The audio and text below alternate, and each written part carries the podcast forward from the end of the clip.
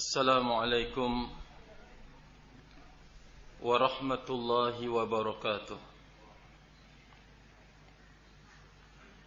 الحمد لله رب العالمين. فلا عدوان إلا على الظالمين. والعاقبة للمتقين. وصلاة الله وسلامه على نبينا سيد المرسلين. وخاتم النبيين وعلى آله المطهرين وأصحابه الطيبين. ومن تبعهم بإحسان إلى يوم الدين. فأوصي نفسي وإياكم بتقوى الله فقد فاز المتقون. قال الله عز وجل في كتابه يا أيها الذين آمنوا اتقوا الله حق تقاته ولا تموتن إلا وأنتم مسلمون. معاشر الإخوة والأخوات رحمني ورحمكم الله. Pertama kali kita bersyukur kepada Allah Azza wa Jal atas banyaknya kebaikan dan nikmat yang telah dibagikan kepada kita.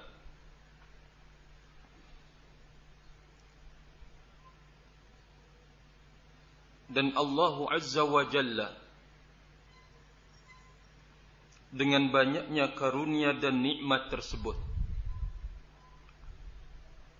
tidak menuntut balas budi dari hamba-hambanya. Dan jikalau Allah Azza wa Jalla menuntut balas budi dari hamba-hambanya, tidaklah mungkin mereka untuk bisa membalas budinya Allah Jalla wa Ala. namun yang dituntut oleh Allah Subhanahu wa taala bagaimana hamba yang dicurahkan nikmat ini beribadah dan taat kepada Allah Subhanahu wa taala melaksanakan tugas yang karenanya Allah Jalla wa Ala menciptakan mereka tugas yang sangat agung dan besar. Karena tugas inilah Allah Jalla wa Ala menciptakan langit dan bumi. Karena tugas yang agung dan besar ini, Allah Azza wa Jalla menciptakan kehidupan dunia dan kehidupan alam akhirat. Menciptakan surga dan menciptakan neraka. Karena tugas yang agung dan besar ini pula. Allah Azza wa Jalla mengutus para nabi dan rasulnya. Dan menurunkan kitab-kitab sucinya. Yang Allah Jalla wa Ala menyempurnakan pengutusan para nabi. Dengan nabi kita Muhammad sallallahu alaihi wasallam. Dan menyempurnakan kitab-kitab suci dengan kitab Al-Quranul Karim yang diturunkan kepada kita rahimani wa rahimakumullah. Lalu apakah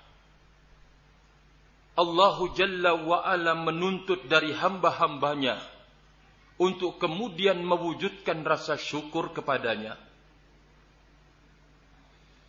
Apakah barakallahu fikum yang menjadi tujuan penciptaan manusia ini sehingga begitu mulia dan agung semuanya dipersiapkan untuk tugas dan hikmah yang besar ini Allah Azza wa Jalla di dalam surat Az-Zariyah menjelaskan hal itu wa ma khalaqtul jinna wal insa illa liya'budun Tidaklah aku menciptakan jin dan menciptakan manusia kecuali agar mereka mengabdikan dan beribadah kepadaku. Inilah dia tujuan dan hikmah penciptaan manusia. Berarti barakallahu fikum. Nikmat yang terhampar begitu luas di muka bumi ini bukan tujuan diciptakannya manusia. Tetapi Allah Azza wa Jalla menjadikan apa yang ada di dunia ini sebagai penopang untuk kemudian lurus lulus di dalam melaksanakan tugas penciptaan tersebut. Apalagi jikalau kita menyadari bahwa suatu saat nikmat yang ada dalam genggaman kita dicabut oleh Allah Azza wa Jalla. Berarti bukan itu tujuan kita diciptakan. Suatu ketika nikmat yang paling berharga di atas dunia ini kehidupan diambil juga oleh Allah Jalla wa ala. Berarti bukan itu tujuannya barakallahu fikum. Bahkan Allah Azza wa Jalla bercerita bahwa suatu ketika dunia ini akan Allah goncangkan dengan goncangan yang amat sangat dahsyat. Allah tabrakkan satu gunung dengan gunung yang lainnya. Lalu kemudian Allah pecah langit Lalu bintang-bintang berguguran jatuh. Berakhirlah kehidupan dunia ini. Dan kita ternyata diciptakan bukan untuk dunia ini rahimani wa rahimakumullah. Berarti sampai kita kepada kesimpulan yang besar bahwa Allah Azza wa Jalla menciptakan kita untuk tujuan yang sangat agung dan mulia. Itulah mengabdikan dan beribadah kepada Allah Jalla Subhanahu. Dan kalau kita mengkaji dan mendalami, ternyata perintah untuk beribadah ini untuk kebutuhan, kepentingan dan mendongkrak derajat manusia itu di sisi Allah Azza wa Jalla. Ma'asyiral ikhwah wal akhwati rahimani wa rahimakumullah. Mari barakallahu fikum kita mengoreksi secara detail lagi. Dia Allah Azza wa Jalla yang telah menciptakan kita ini. Dan Allah Jalla wa Ala meminta dari kita ini agar kita beribadah kepada Allah Subhanahu wa taala. Dan segala apa yang kita butuhkan dalam pengabdian kepada Allah segala apa yang kita butuhkan. Segala apa yang dibutuhkan oleh Allah Jalla wa'ala dalam beribadah kepadanya, Allah telah mempersiapkan semuanya. Allah telah mempersiapkannya barakallahu fikum. Namun setelah seseorang dibantu, ditolong, dan dipersiapkan segala yang dibutuhkan oleh hamba dalam beribadah kepada Allah nilai tidak ada sedikit pun kepentingannya bagi Allah Jalla Subhanahu tidak ada sedikit pun peruntukan buat Allah Jalla wa'ala. Allah akan mengembalikan nilai pengabdian itu pada diri mereka rahimani wa rahimakumullah. Berarti barakallahu fikum tidak ada sesungguhnya yang merasa dirugikan oleh Allahu Jalla wa'ala dengan syariatnya. Dengan perintah untuk beribadah kepadanya. Tidak sama sekali barakallahu fikum. Dia yang memerintahkan. Dia pula yang membantu. Dan nilai pengabdian akan dikembalikan kepada masing-masing hamba itu. Tidak ada kepentingannya sedikit pun bagi Allahu Azza wa Jalla. Qala Allah Azza wa Jalla dalam hadis qudsi barakallahu fikum ya ibadi law anna awwalakum wa akhirakum wa insakum wa jinnakum kanu ala atqa qalbi rajulin wahidin minkum ma zada dhalika fil mulki syai'a wahai hamba-hambaku Kalau orang pertama kalian sampai terakhirnya dari kalangan manusia dan jin semuanya berada di atas setakwa-takwa hati. Semuanya beriman kepada Allah. Tidak ada yang kufur dan ingkar kepada Allah Jalla wa'ala. Dari kalangan jin pertama sampai terakhir. Dari kalangan manusia pertama sampai terakhir. Semuanya beriman kepada Allah Jalla wa'ala. Semuanya di atas setakwa-takwa hati. Kata Allah Jalla wa'ala. Tidak akan menambah kemuliaanku sedikit pun. Tidak akan mendongkrak kemuliaanku sedikit pun. Kata Allah Jalla subhanahu. Masyiral ikhwah wal akhwati rahimani wa rahimakumullah. وقال يا عبادي لو أن أولكم وآخركم وإنسكم وجنكم كانوا على أفجر قلب رجل واحد منكم ما نقص ذلك من ملك شيئا Wahai hamba-hambaku Jika orang pertama kalian Sampai terakhir kalian Kalangan manusia dan jin Semuanya berada di atas sejahat-jahat hati Semuanya kufur kepada Allah. Semuanya ingkar kepada Allah. Semuanya menentang Allah Jalla wa'ala. Tidak akan mengurangi kemuliaanku. Sedikit pun kata Allah Jalla subhanahu. Maka dari sini kita menyadari barakallahu fikum. Perintah untuk mengabdikan diri kepada Allah. Perintah untuk beribadah kepada Allah Jalla wa'ala sebagai bentuk rasa syukur kita kepada nikmat-nikmatnya itu adalah untuk kita sendiri. Untuk manusia itu sendiri rahimani wa rahimakumullahu jami'an.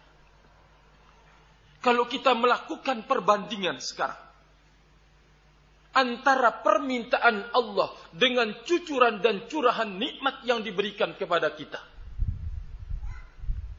betapa ringan permintaan Allah Azza wa Jalla. Dibanding dengan nikmat Allah yang telah kita pakai, yang kita telah habiskan, yang kita telah pergunakan, yang sedang kita simpan. Terlalu ringan permintaan Allah Azza wa Jalla.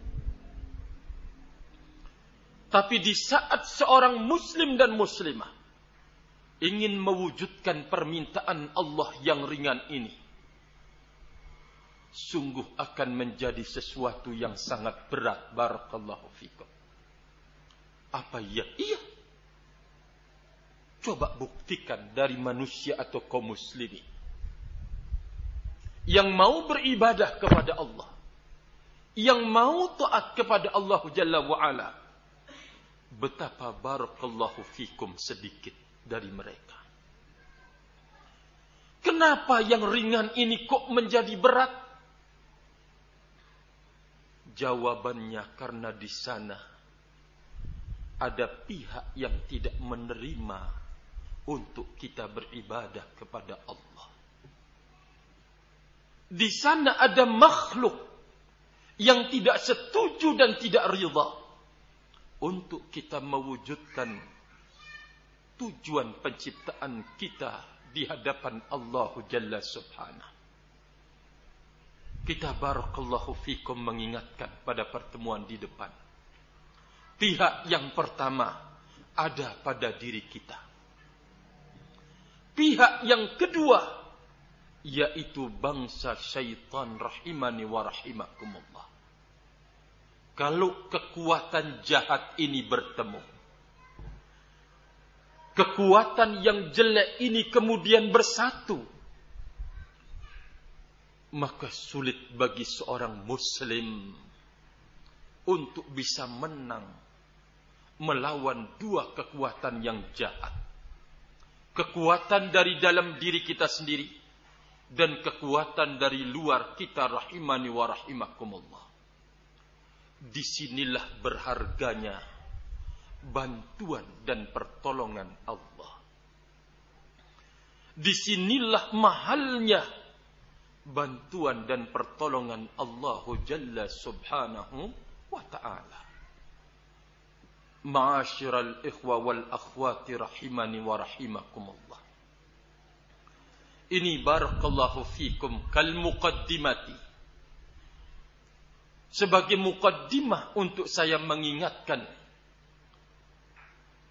kepada segenap kaum wanita rahimani wa rahimakumullah jami'an. Allah Azza wa Jalla birahmatihi liibadihi telah menyempurnakan aturan-aturan hidup bagi makhluk-makhluknya. Fala khairah tidak ada satu kebaikan di dalam kehidupan ini. Kecuali Allah Jalla wa Ala telah meletakkan aturan padanya. Dan tidak ada satu pun yang membahayakan dalam kehidupan manusia laki-laki ataupun wanita melainkan Allah Jalla wa Ala telah meletakkan lampu merah padanya barakallahu fikum kesempurnaan syariat yang Allah Jalla wa Ala telah proklamirkan kesempurnaannya itu untuk kaum lelaki dan untuk kaum wanita.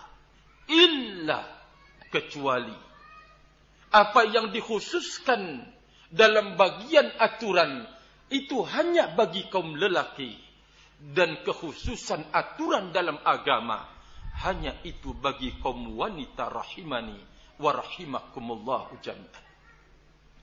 Namun seluruh syariat ini adalah untuk kaum lelaki dan untuk barakallahu fikum kaum wanita. Di antara kekhususan rahimani wa rahimakumullah yang Allah Azza wa Jalla arahkan kepada keturunannya Hawa yaitu barakallahu fikum apa yang disebutkan di dalam Al-Qur'anul Karim untuk wajibnya mereka untuk menjaga auratnya. Menjaga barakallahu fikum dirinya. Dan tidak bertabarruj dengan tabarrujal jahiliyah. Jangan berdandan. Seperti dandanannya orang-orang jahiliyah. Hafidhani wa hafidhakumullah.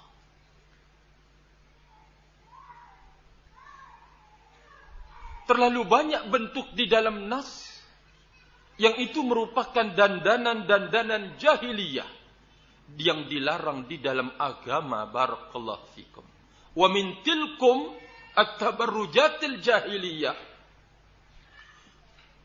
Allah Jalla wa Ala melalui lisan Nabi alaihi salatu wassalam melarang wanita untuk kemudian melakukan al-washimat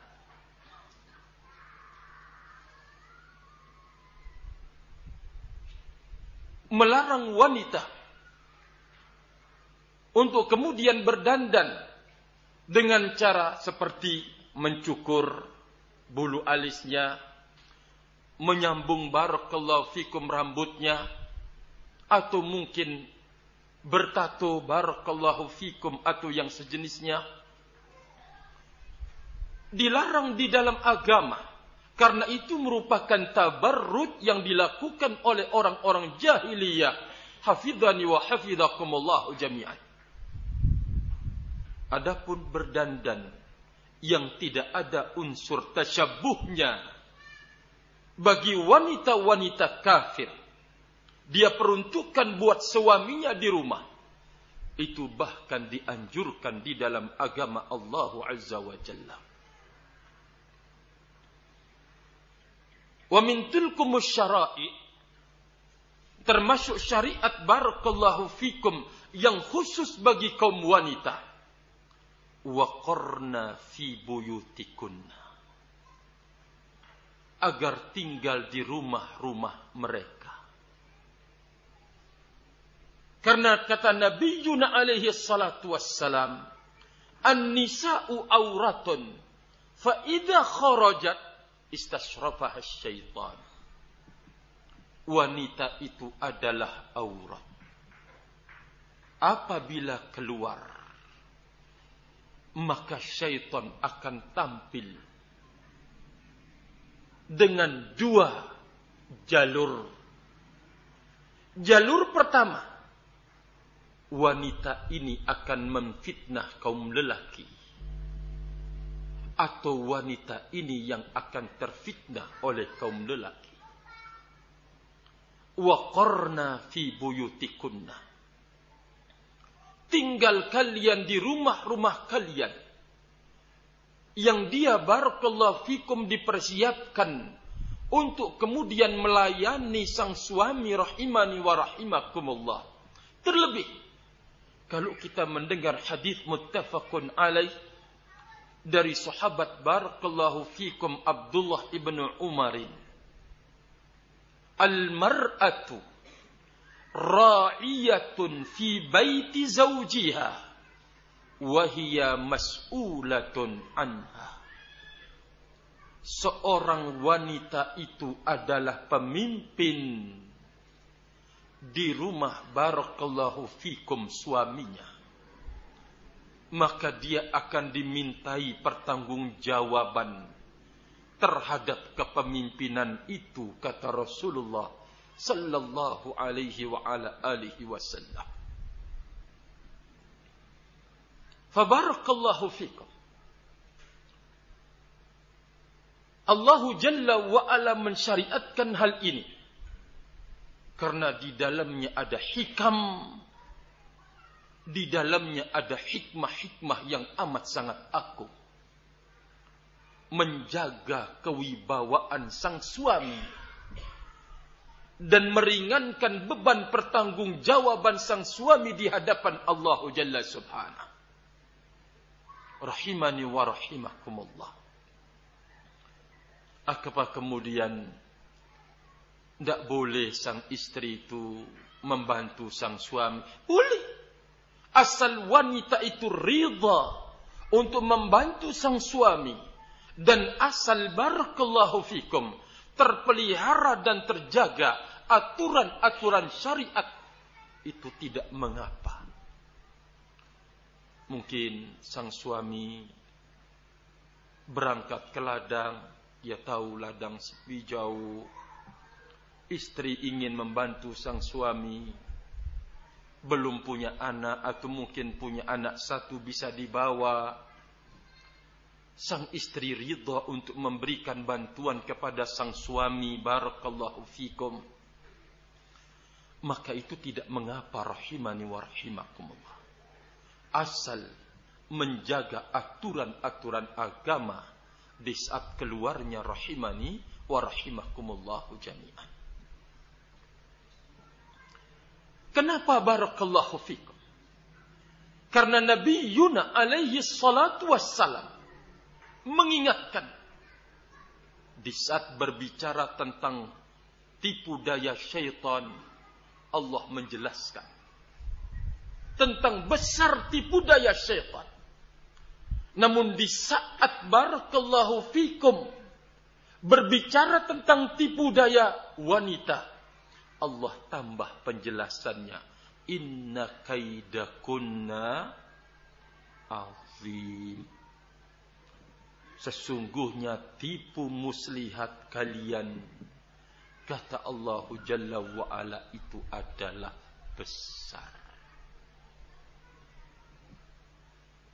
Betapa seringnya hancur rumah tangga di saat sang istri barakallahu fikum mendapatkan kebebasan bergaul dari sang suami. Rahimani wa rahimakumullah.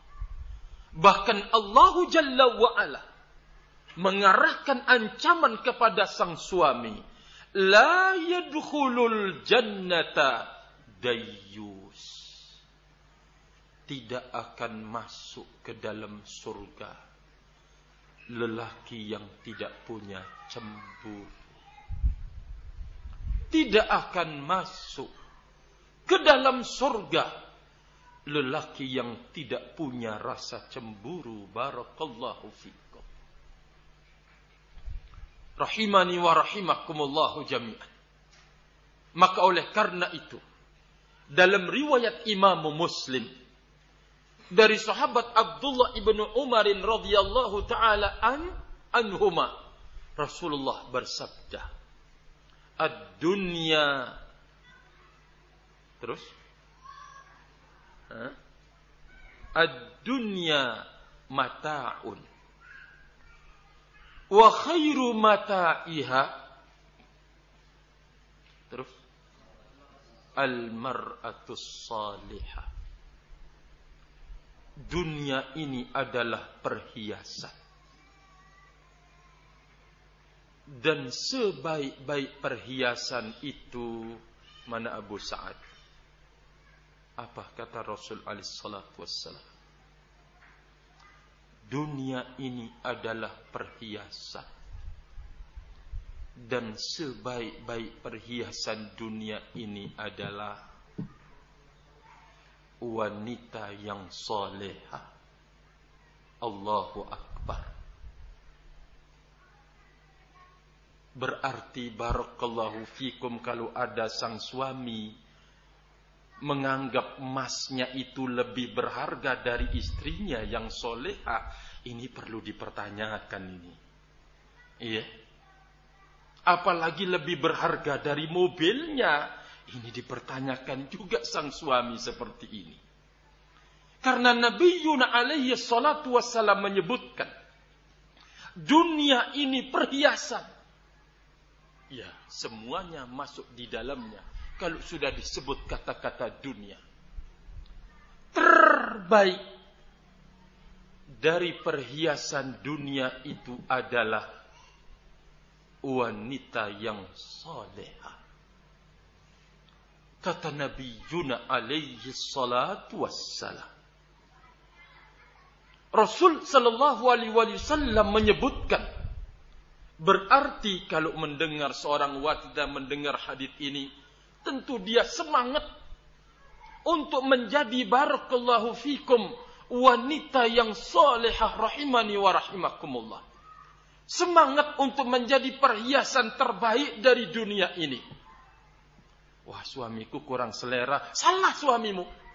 Yang benar adalah Nabi kita Muhammad sallallahu alaihi wasallam. Ikuti bimbingannya. Perhiasan dunia itu adalah wanita yang soleha. Rahimani wa rahimakumullahu jami'an. Wanita yang soleha. Allati tuaddi hukukallahi azza wa jalla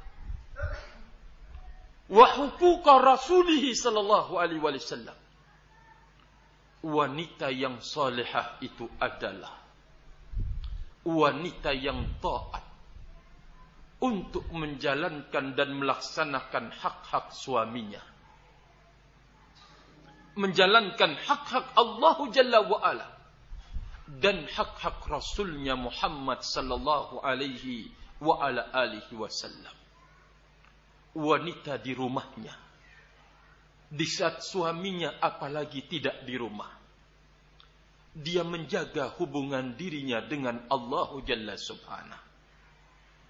Jangan terjadi sebaliknya. Suaminya keluar barakallahu fikum mencari nafkah. Melaksanakan kewajiban. Istrinya di rumah taunya chatting, chattingan. Apa sih chatting-chattingan? Hah? Apa? Chatting-chattingan itu apa? Hah? Ya sudahlah. Main yang itu. Main internetan. Game. Pokoknya sudah. Rahimani wa rahimakumullah. Suaminya sedang melaksanakan tugas dari Allahu Jalla wa ala. Untuk mencari nafkah di dalam hidup dirinya sang suami, kehidupan anaknya dan kehidupan dia, dia tidak mendukung suaminya untuk melaksanakan perintah Allah. bahkan dia melanggar barakallahu fikum. Di kegoiban suaminya sendiri. Semestinya sebagai wanita harus bersyukur kepada Allah Jalla wa ala di dalam hal ini tugas untuk mencari nafkah tidak dibebankan kepada mereka suami keluar adakah yang mengingatkan mas saya bisa sabar dari kekurangan. Namun saya tidak bisa sabar dari adab dan murka Allah. Takutlah engkau kepada Allah. Ada yang pernah melepas suaminya dengan kata yang indah seperti itu. Hah? Kamu wanita? Lakukan. Ini gambaran wanita yang solehah rahimani wa rahimakumullahu jami'an. Yang melepas suaminya dengan takut kepada Allah Jalla Subhanahu. Kami siap untuk kelaparan. Namun kami tidak sanggup untuk menanggung azab dan murkanya Allah Jalla wa'ala. Bertakwa engkau kepada Allah.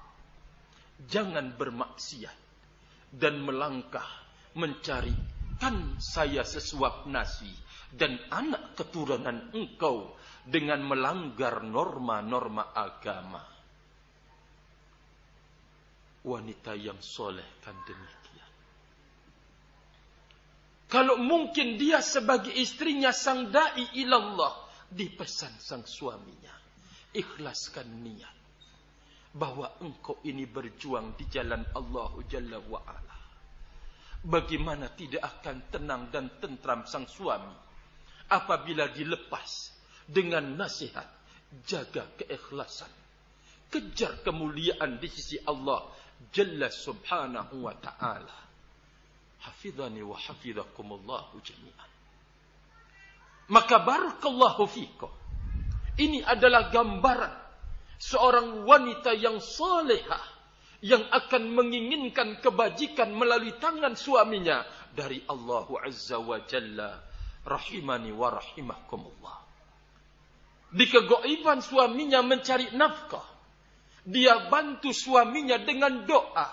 Ya Allah, jaga suamiku dari perkara-perkara yang haram. Yang menyelisih agama engkau. Ya Allah, berikan barokah terhadap usaha suami saya dia bantu suaminya dengan mendekatkan diri kepada Allah Jalla wa'ala di rumahnya barakallahu fikum.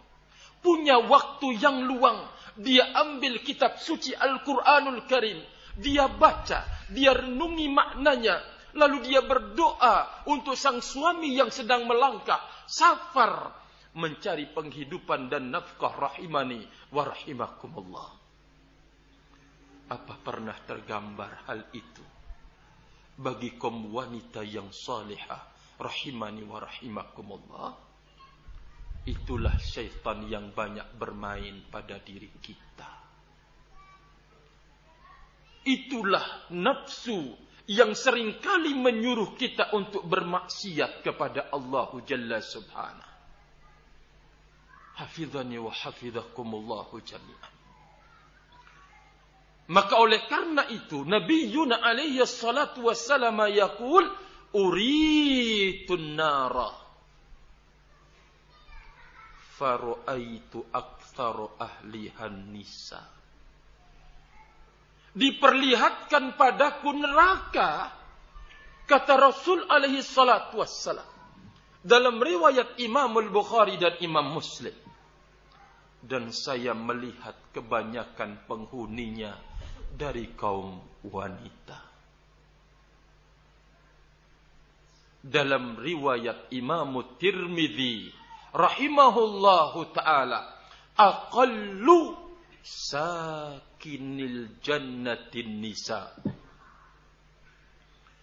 Penduduk surga yang paling sedikit itu adalah kaum wanita rahimani wa rahimakumullah jami'an. Kenapa? Kenapa barakallahu fikum? Seseorang bertanya kepada Nabi Yunus sallallahu alaihi wasallam, "Hal yakfurna billah?" Apakah wanita itu menjadi penduduk neraka terbanyak atau penduduk surga paling sedikit karena kufurnya mereka kepada Allah ya Rasulullah. Apa jawaban Nabi kita Muhammad sallallahu alaihi wasallam? Bal yakfurnal ashir. Bukan karena kafirnya kepada Allah. Tidak. Tetapi karena kufurnya pergaulan dia bersama sang suami. Wanita Terkadang kita menemukan solatnya Masya Allah. Solat lailnya. Tapi lisannya nggak bisa dijaga di hadapan sang suami. Menjatuhkan suaminya. Merendahkan suaminya. Membongkar aib-aib suaminya. Marah terhadap suaminya. Kata Nabi Yuna alaihi salatu wassalam wanita menjadi penduduk neraka terbanyak bukan karena kufurnya kepada Allah Jalla Subhanahu tapi karena jelek pergaulan dia bersama suaminya Rasulullah memberikan satu contoh.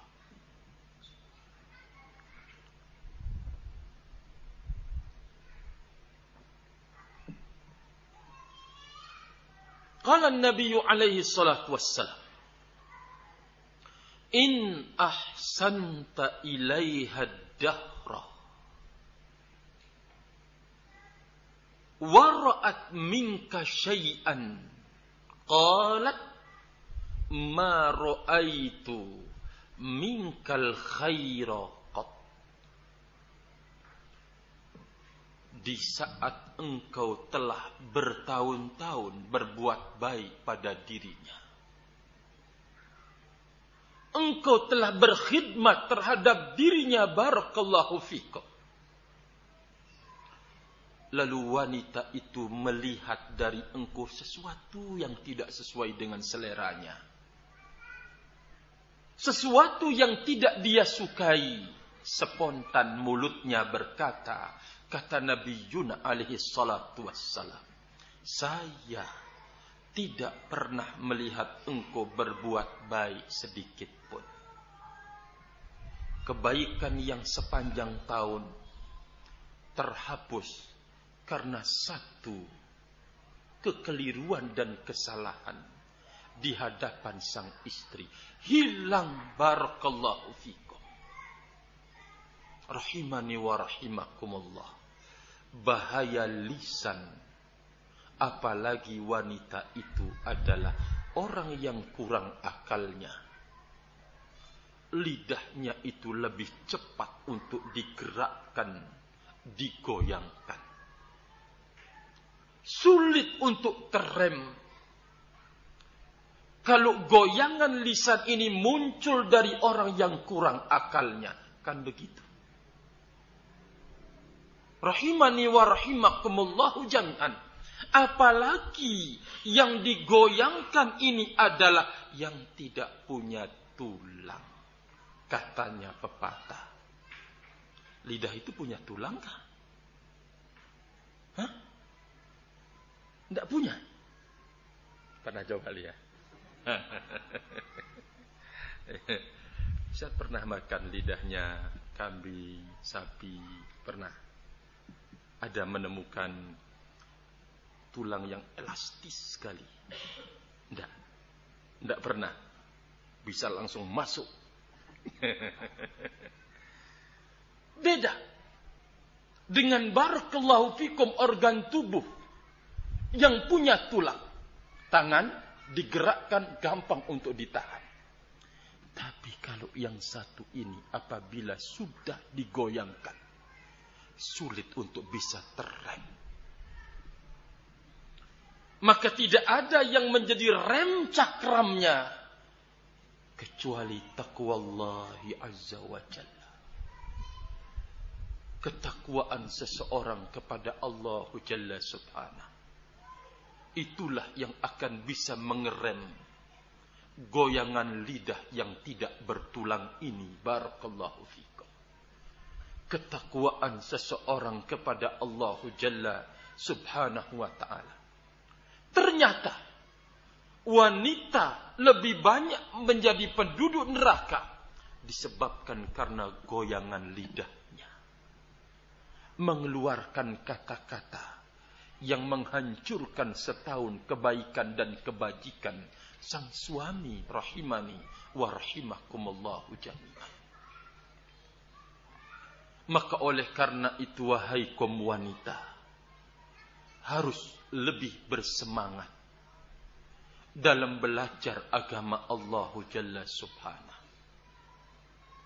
Wahai kaum wanita harus lebih di dalam mendekatkan diri kepada Allah Jalla Subhanahu.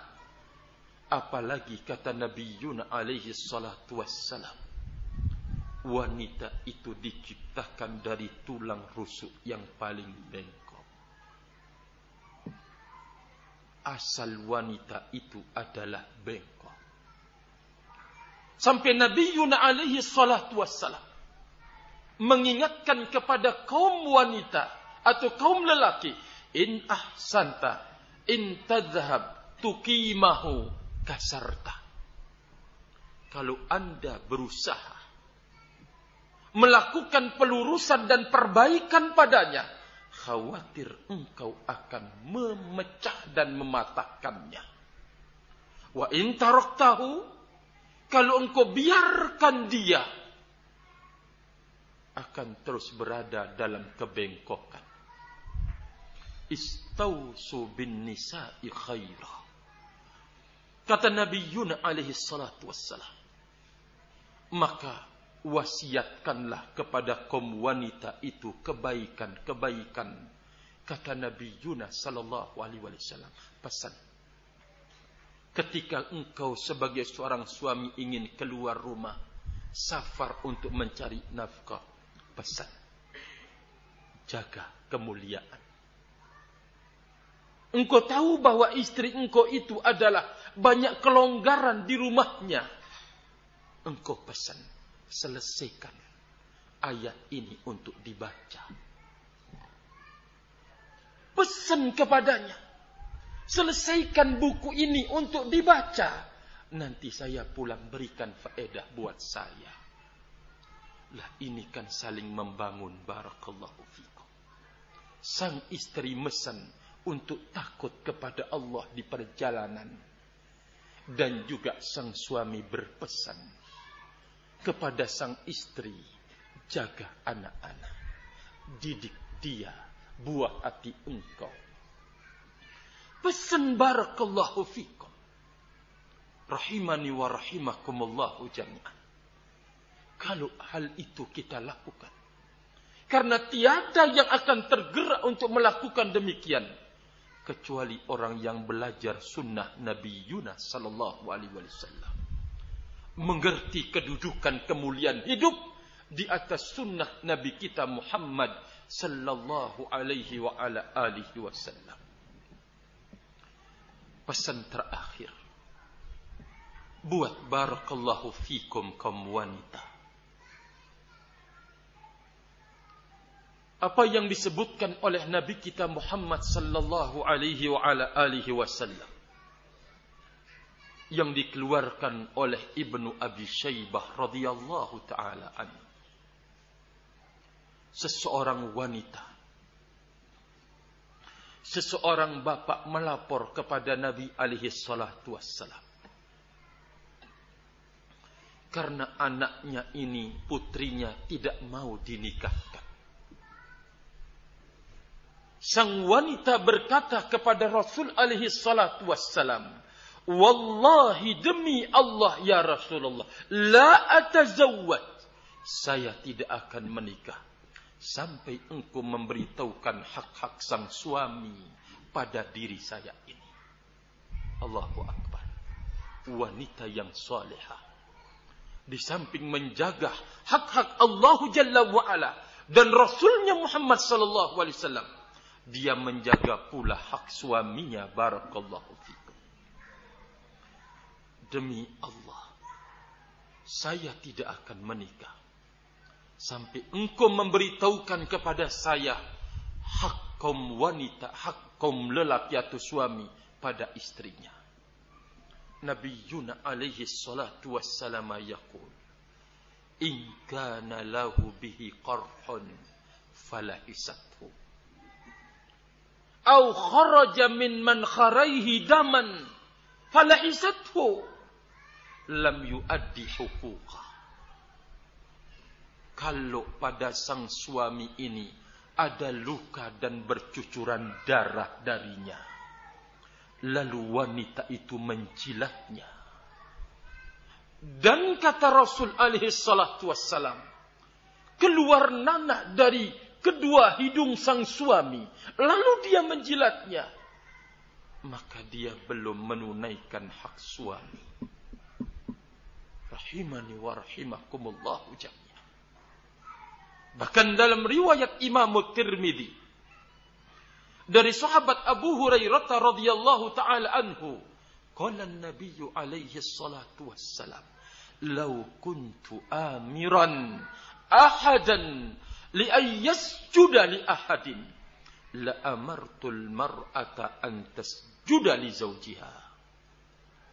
Kalau sekiranya saya kata Nabi Yunus alaihi salatu wassalam boleh memerintahkan seorang barakallahu fikum orang lain untuk sujud kepada orang lain, seseorang untuk sujud kepada orang lain, niscaya saya akan memerintahkan wanita untuk sujud di hadapan sang suami, kata Rasul alaihi salatu wassalam. Besarnya hak sang suami barakallahu fikum. Wahai kaum wanita, jaga hak sang suami dengan mendahului menjaga hak Allah Jalla Subhanahu dan Rasulnya Muhammad sallallahu alaihi wa ala alihi wasallam. Wallahu taala alam bisawab. Mungkin ini barakallahu fikum nasihat saya bagi segenap akhwati rahimani wa rahimakumullahu jami'an dan segenap ikhwani barakallahu fikum. Semoga ada manfaatnya buat diri saya sendiri dan segenap saudaraku kaum muslimin dan muslimat. Wallahu taala alam bissawab. سبحانك اللهم وبحمدك أشهد أن لا إله إلا أنت أستغفرك وأتوب إليك والسلام عليكم ورحمة الله وبركاته.